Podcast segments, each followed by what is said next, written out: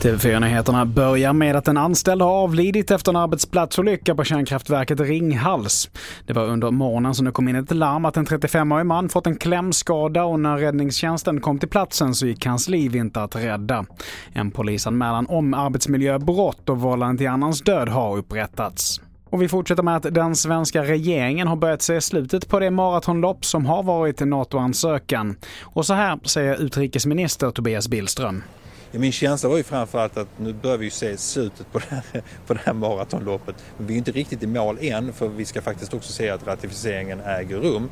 Men vi har, vi har nått en väldigt bra bit fram. Min känsla var också naturligtvis eh, glädje men också ödmjukhet inför det faktum att vi gör alltså den största förändringen utav vår försvars och säkerhetspolitik på 200 år det ger lite svindlande känslor ibland att vi är med om en process som, som verkligen kommer att stå i historieböckerna. Till sist, en man i 50-årsåldern döms till fängelse för att ha knivhuggit en annan man efter ett trafikbråk, det rapporterar Nya Linköpings Tidning. Det var i februari i år som mannen körde tätt bakom en annan bil i en rondell i Skövde. De båda männen kliver ur sina bilar och går mot varandra varpå mannen i 50-årsåldern knivhugger sin medtrafikant. Mannen döms nu till 12 års fängelse för mordförsök. Fler nyheter hittar du på tv4.se. Jag heter Mattias Nordgren.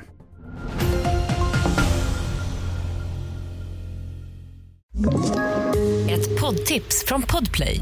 I fallen jag aldrig glömmer djupdyker Hasse Aro i arbetet bakom några av Sveriges mest uppseendeväckande brottsutredningar går vi in med hemlig telefonavlyssning och, och då upplever vi att vi får en total förändring av hans beteende. Vad är det som händer nu? Vem är det som läcker? Och så säger han att jag är kriminell, jag har varit kriminell i hela mitt liv men att mörda ett barn, där går min gräns. Nya säsongen av Fallen jag aldrig glömmer på Podplay.